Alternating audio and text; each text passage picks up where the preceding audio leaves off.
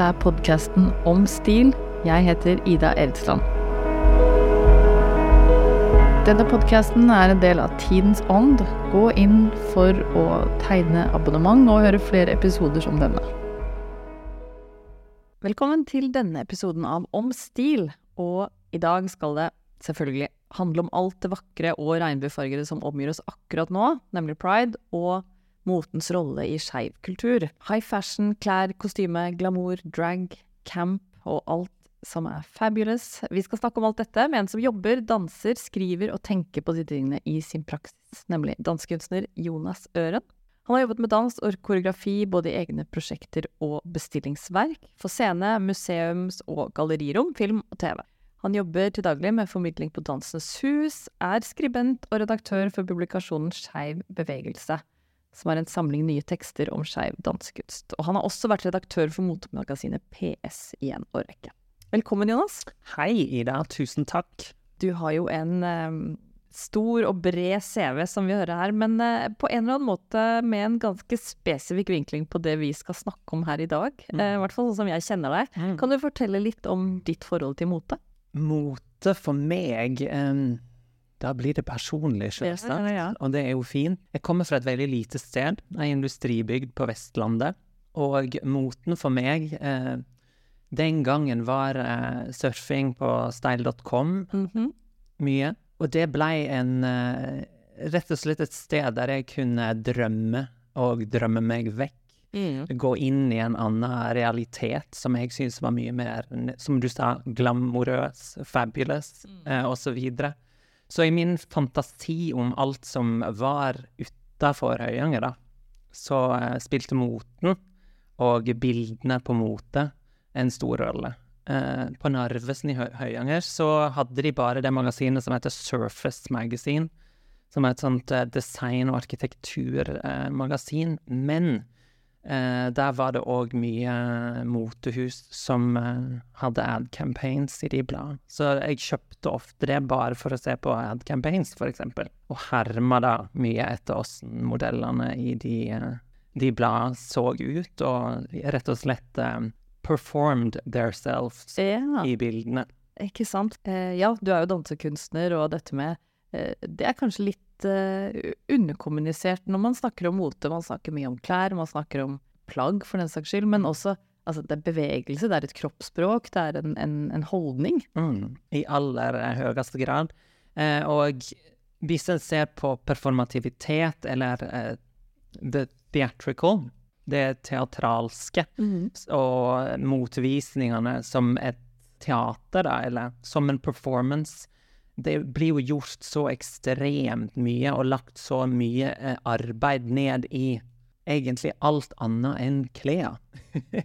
det showet som er visningen, det er jo virkelig teater. Så ja, det performative er vel et av de mest viktige aspekter ved klær, nettopp fordi at vi òg shapeshifter, altså vi transformerer oss sjøl eh, med de plagga vi tar på kroppen. Mm. Det gjør åssen vi beveger oss, det gjør åssen vi handler, det påvirker åssen vi føler oss, som igjen påvirker åssen vi handler og beveger oss. Mm. Det ene går inn i det andre, vil jeg si. Mm. Det.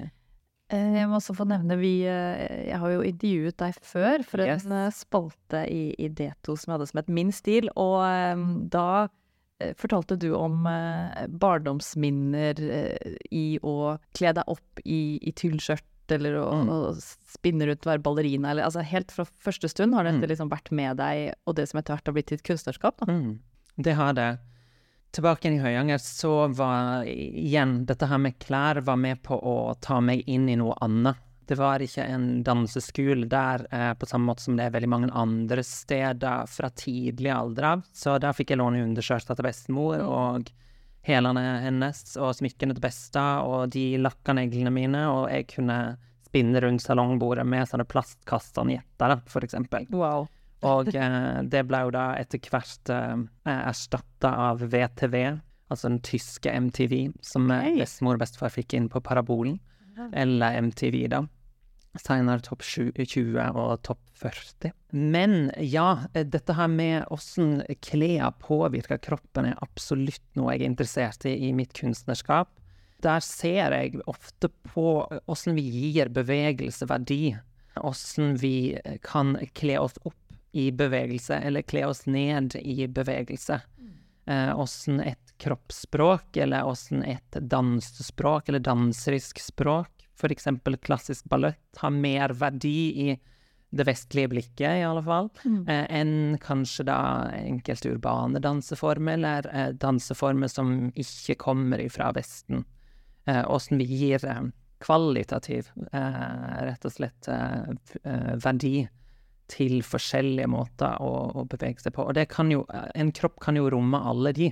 Mm. Så hvorfor er det da sånn at om jeg eh, går med knekk i eh, knærne sakte bortover med et eh, kanskje, kanskje ja, lukka øye, så vil folk forstå meg på én måte, men om jeg går eh, rakrygga og breial, så vil folk lese meg helt annerledes. Mm. Så og det, det, handler om å kle seg opp med bevegelse på samme måte som en kler seg opp med, med klær, da.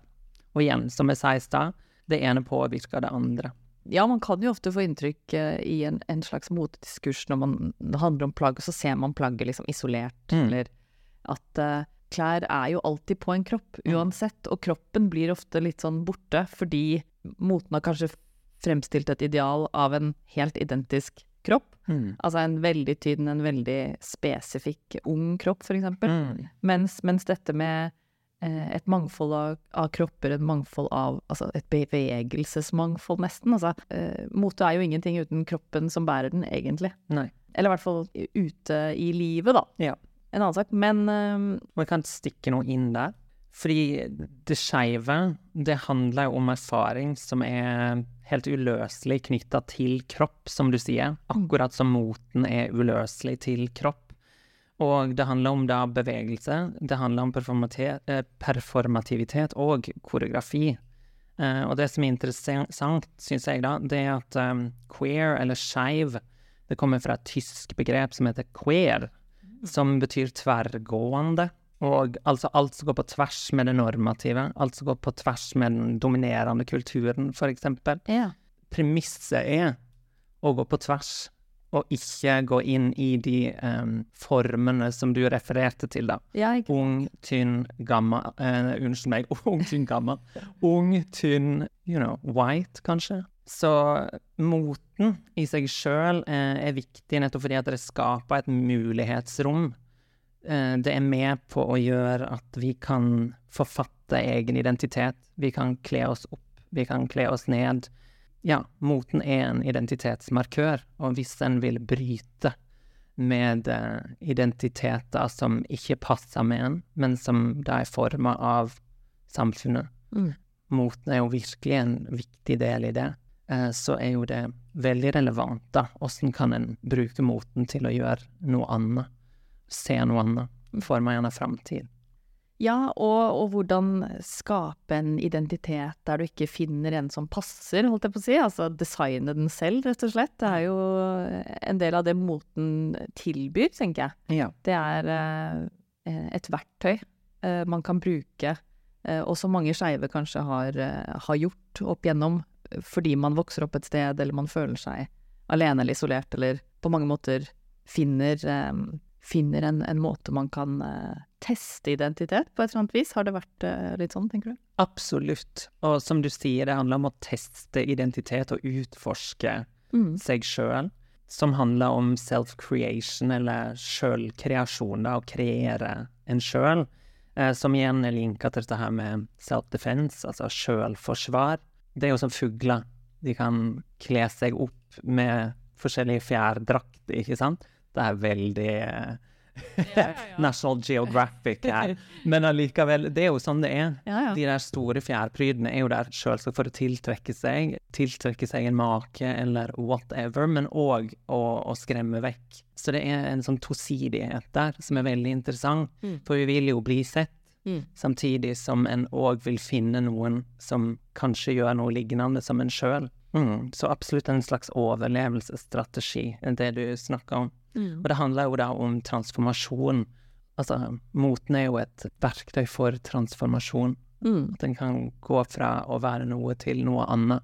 Ikke sant. Ja, fordi um, vi kan jo snakke litt om den uh, kanskje mest kjente Når man snakker om kjønn og performativitet, mm. altså filosofen og kjønnteoretikeren Judith Butler har jo dette begrepet ja, gender mm. performativity, altså kjønns...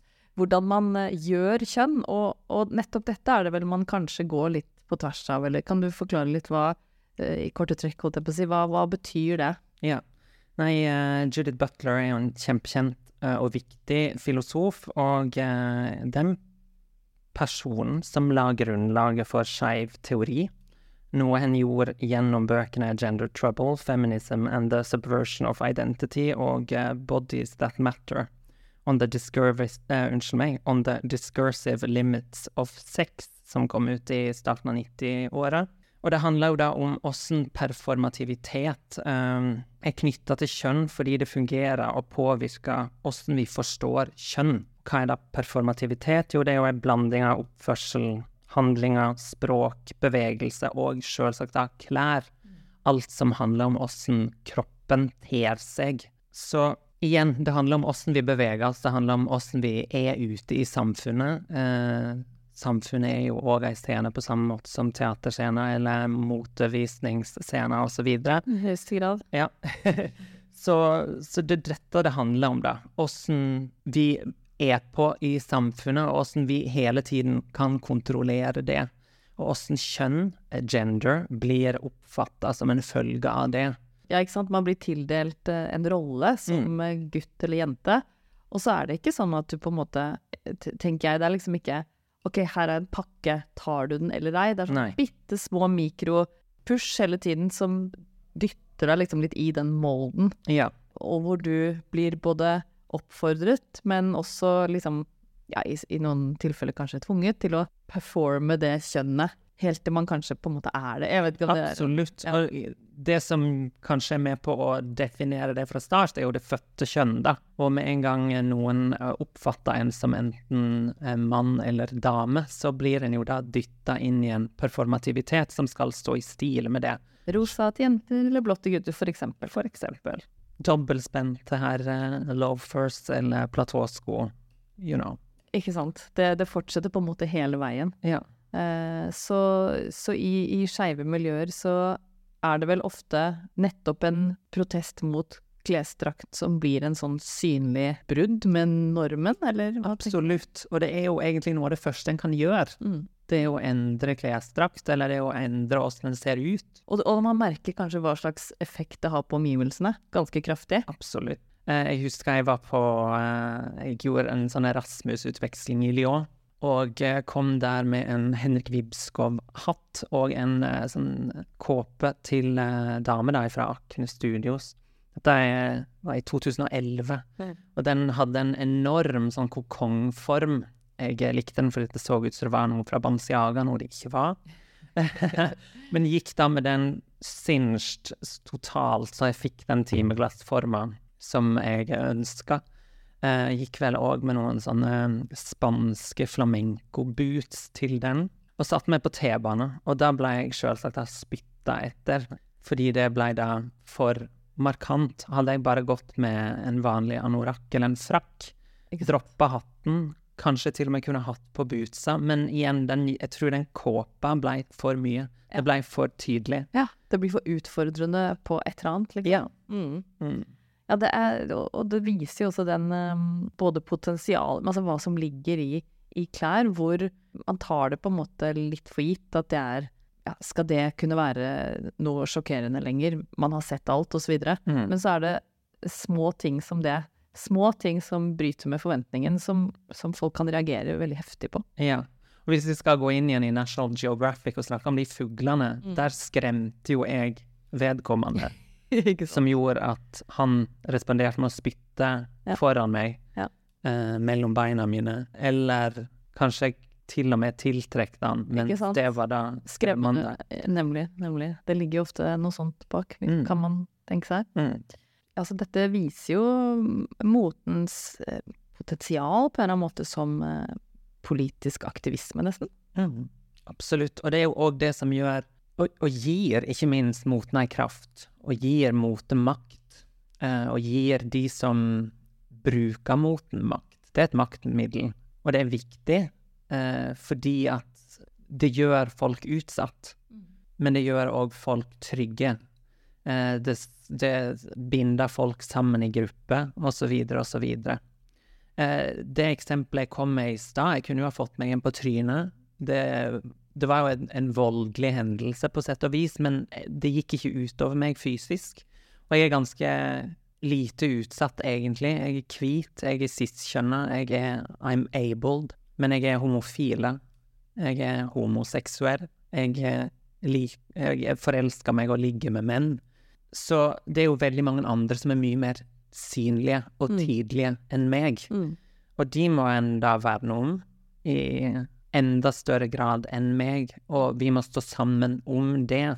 Mm. Og da er moten viktig. Eh, både åssen moten opererer, åssen de som skaper moten opererer, og er klar over det potensialet, men òg alle oss andre. Og det der å stå i motstand og bruke mote som en del av sin motstand, det er jo Sånn har det jo alltid vært. Om det er fargekoder eller punk eller osv. osv.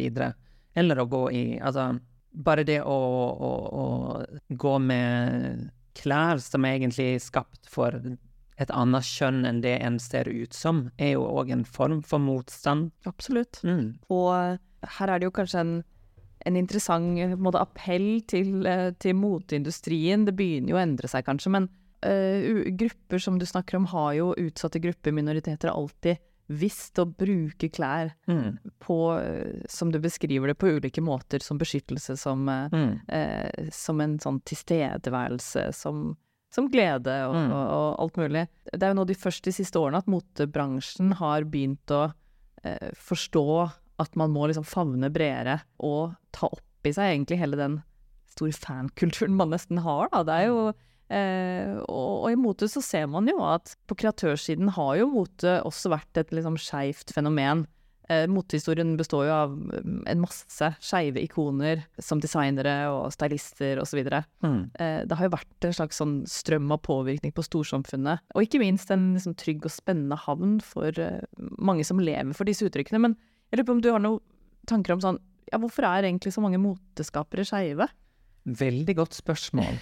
Men jeg tror jo at det kommer av at en har hele tiden sett det potensialet i klær, plagg og mote fra en tidlig alder av. Mm. Og det har vært noe en har uh, gått inn i og egentlig behøvd, kanskje for å eksistere. Og derfor har det vært et naturlig sted å bli karrieremessig. Og en ser jo at det er veldig mange designere som, som, som du sa, snakker direkte til det skeive til det som er queer. Det er jo veldig mange som ikke gjør det òg, men de skeive går til de, eller der det appellerer allikevel. Det er ikke et sånn direkte forhold.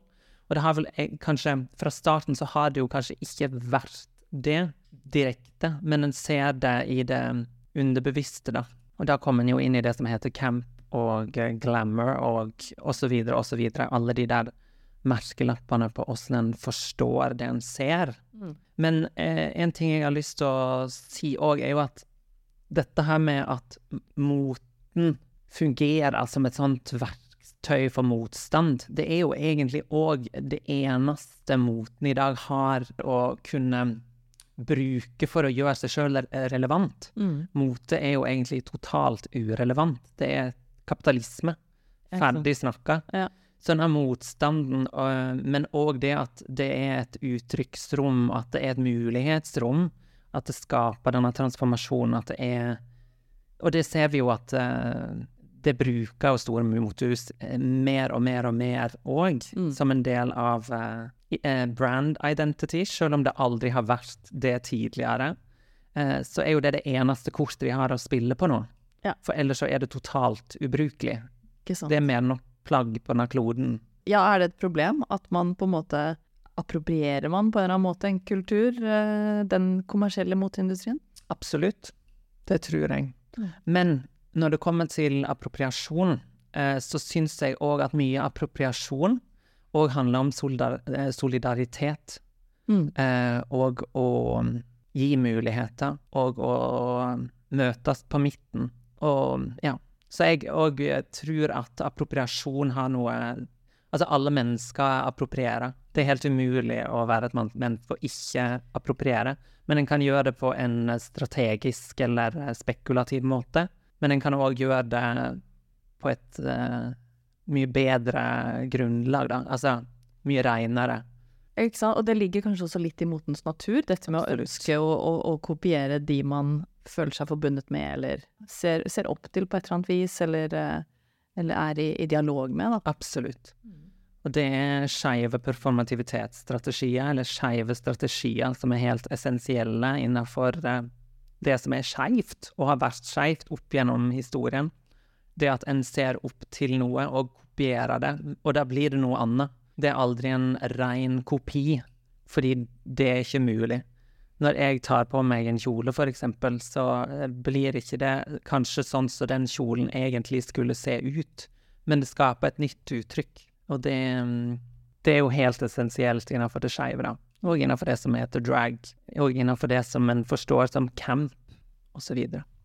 Ja, altså dette med fabulous camp, glamour, eh, drag, som du nevner. Du har jo også vært interessert, eh, oppfatter jeg i hvert fall, i, i, hva jeg har sett av hva du har gjort. Litt sånn større visuelle uttrykk. Kanskje hentet fra den eh, eksplisitt sånn skeive motkulturen, kanskje. Jeg tenker at det er jo litt her mote henter sånn sin puls, da, eller en slags sånn egen identitet. Kanskje fordi det har vært litt eksklusivt for en viss motekultur, mm. eh, som mange er veldig glad i.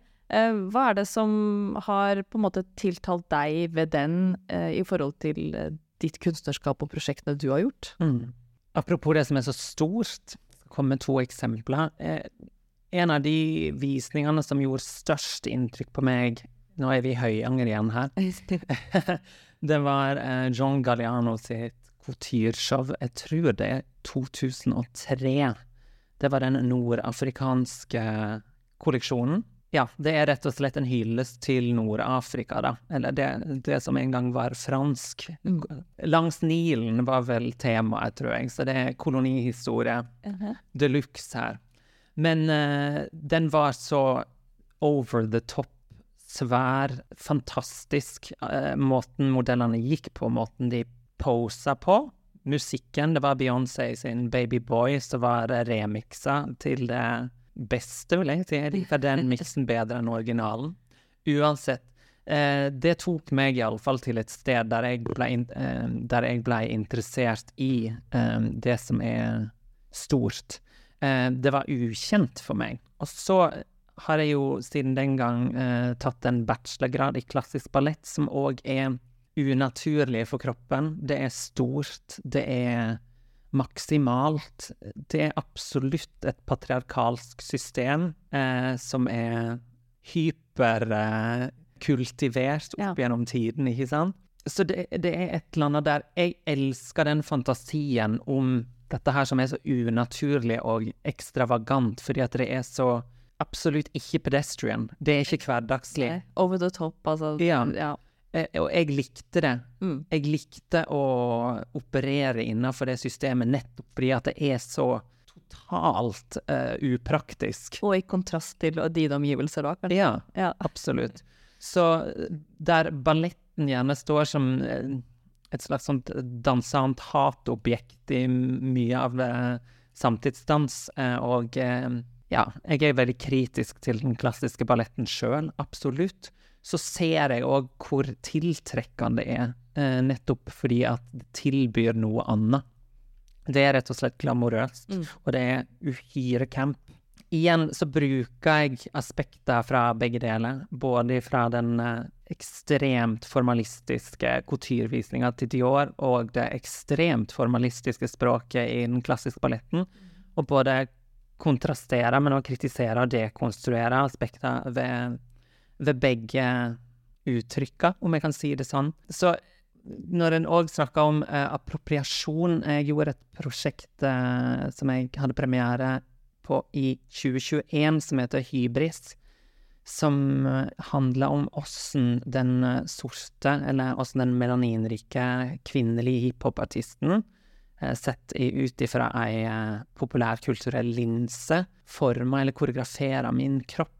Åssen jeg som homofil, hvit mann liksom gjør tongue pops og sier 'yes, honey, yes', og uh, beveger meg, twerker på klubben og uh, all that extra mm -hmm. fordi at jeg har sett opp til denne personen uh, på VTV hjemme hos bestemor og bestefar, på MTV osv. Så, uh, så jeg, dette var noe jeg um, hang meg veldig oppi og hadde lyst til å undersøke, men òg undersøke hva, hvorfor er dette noe som blir sett mindre opp til enn den klassiske balletten i vestlig kunsthistorie mm. og det vestlige blikket. da. Hva skjer når en merger de to sammen?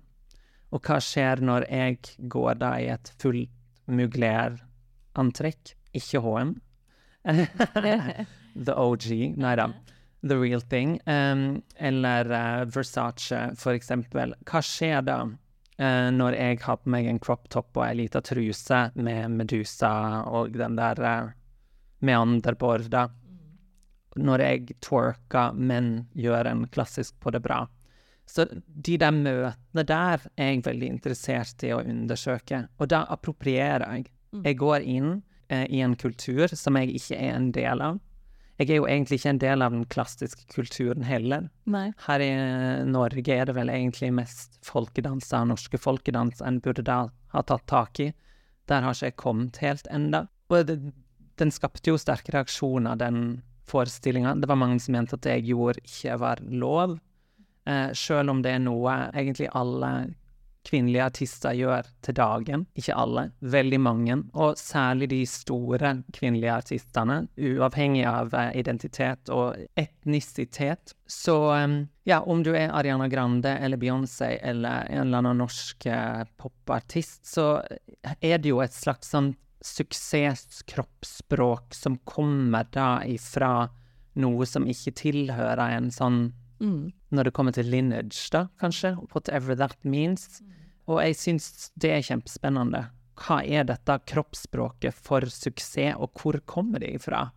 Og det, det jeg snakka om i stad, dette her som handler om uh, self-defense eller self-creation, er jo noe den uh, melaninrike kvinnen har måttet gjort. Se meg, hør meg, jeg er her. Mm. Åssen språk er det en bruker da? Og de skeive gjør, uh, gjør jo det samme, og står i noe lignende, ikke sant? Det som handler om solidaritet, er òg eh, lenka til appropriasjon og vice versa. Og det er noe vi ser veldig tydelig i moten, på åssen moten opererer. Mm. Og også blir branding av det, rett og slett òg, da. Mm. Eh, ja, for hva Hvem er det du synes er eh, mest ivrige på å brande denne kulturen, eller hvem ser vi det hos? Jeg tror det er noen som gjør det av eh, Altså, jeg håper at de fleste gjør det fordi at de syns at det er nødvendig at alle skal få lov til å være med. Eh, det er jo absolutt ikke alle som har tilgang på high fashion av økonomiske grunner, og det sier jo seg sjøl. Eh, men det skal jo ikke være en stopper heller for hvem som Hvem er det som har penger i dag? Jo, alle kan ha penger i dag. Det er ikke bare noen. Eh, og det handler i alle fall ikke om hvordan en ser ut, eller hvordan åssen en velger å se ut. Så eh, jeg tror at veldig mange brands gjør det som en, et kapitalistisk eh, virkemiddel, eller eh, for å tjene penger, men jeg tror òg at det er i identiteten til ganske mange brand òg. Så vi har allerede snakka om det, eh, Mugler nå, og jeg tror at hele den identiteten til det brandet i dag eh, spiller på eh, diversitet, og at eh, jo flere, jo bedre. Jo flere forskjellige kropper, jo flere forskjellige farger, jo flere forskjellig alt gir eh, inspirasjon og mater kreativiteten til eh, sjefsdesigneren, som heter Casey Codwaller. Yes. Mm, absolutt. Og eh, det, det, er kanskje det brandet som tydeligst har liksom tatt den posisjonen mm. i dag. Mm. Um, men som også spiller på røttene til Terry Muglares veldig, veldig tydelig queer, eller nesten camp. Hypercamp, hyperfeminine estetikk. Mm. Er det andre designere du, du, på en måte føler er med på å, å, dytte denne diskursen videre, eller er med på å påvirke på en, på en god måte? Jeg syns eh, Eller jeg så i alle fall um, Jeg husker Nicolas Gisquier, da han var sjefdesigner for Balenciaga, så lagde han uh, flere kolleksjoner der modellene så ganske alien-aktig ut. Ja. Og The Alien som en uh, som en figur eller som et symbol, det er jo noe ukjent, noe vi ikke vet hva er. Ja. Eh, og Beyoncé sier jo for eksempel i sin Alien Superstar Altså, det er noe En klarer ikke å definere hva det er. ja. Eh, jeg mener jo òg at Sanora lenge var veldig inkluderende i eh, hvem han uh, lot gå på catwalken. Det var veldig Særlig når det kommer til farge, i alle fall. da.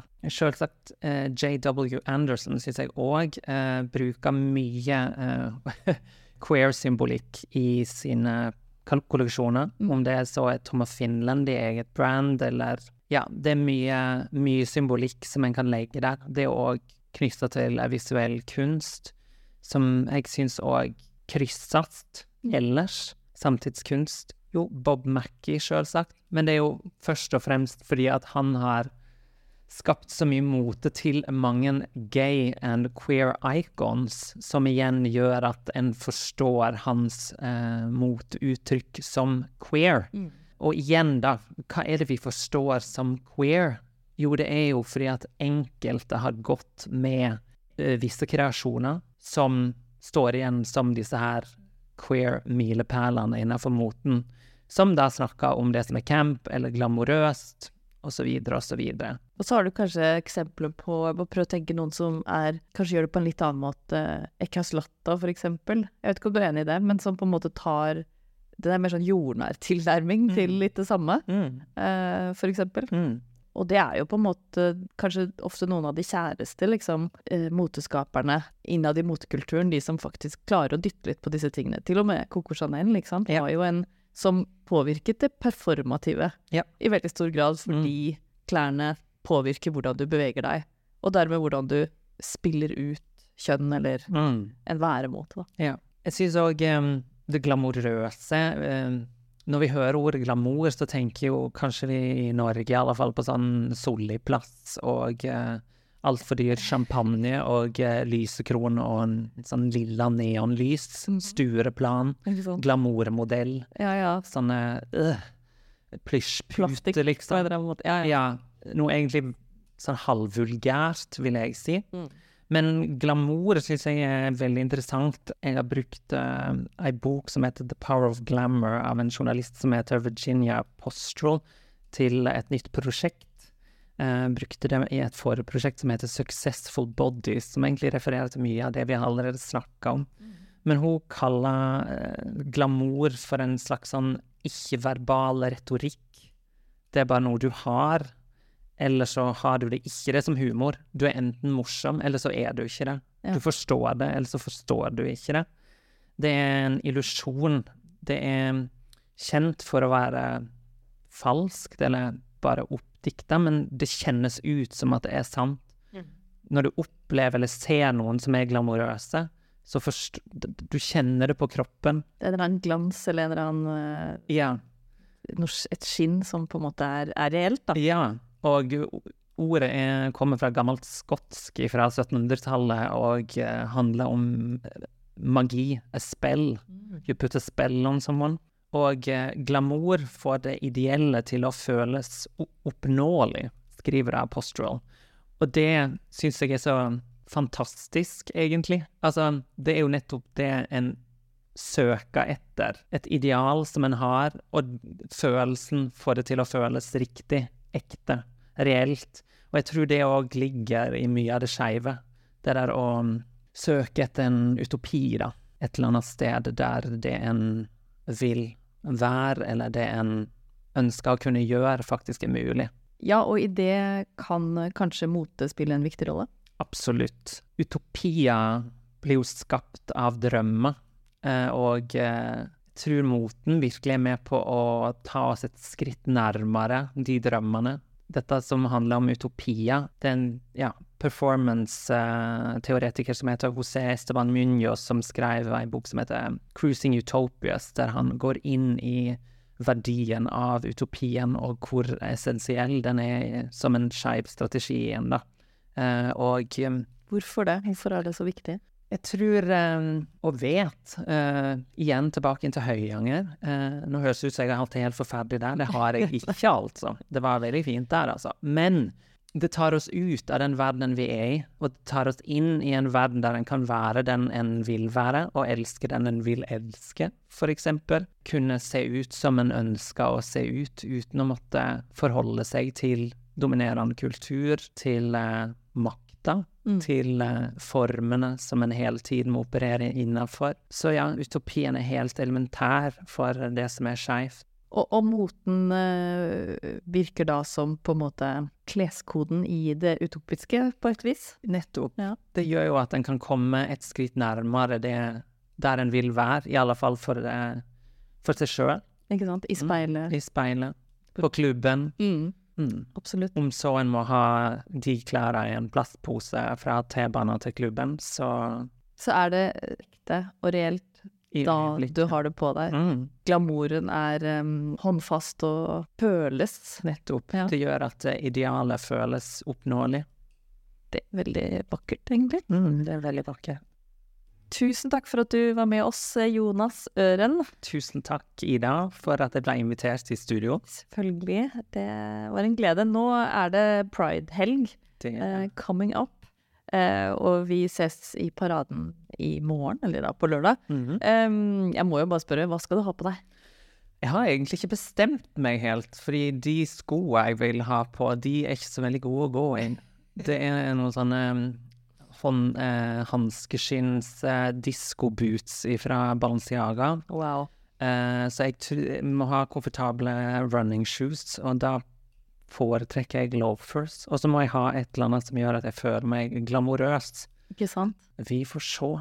Ja, dere får ha øynene åpne etter Jonas Øren i toget. Eh, og ellers ha en eh, veldig god pride. Eh, så høres vi neste uke.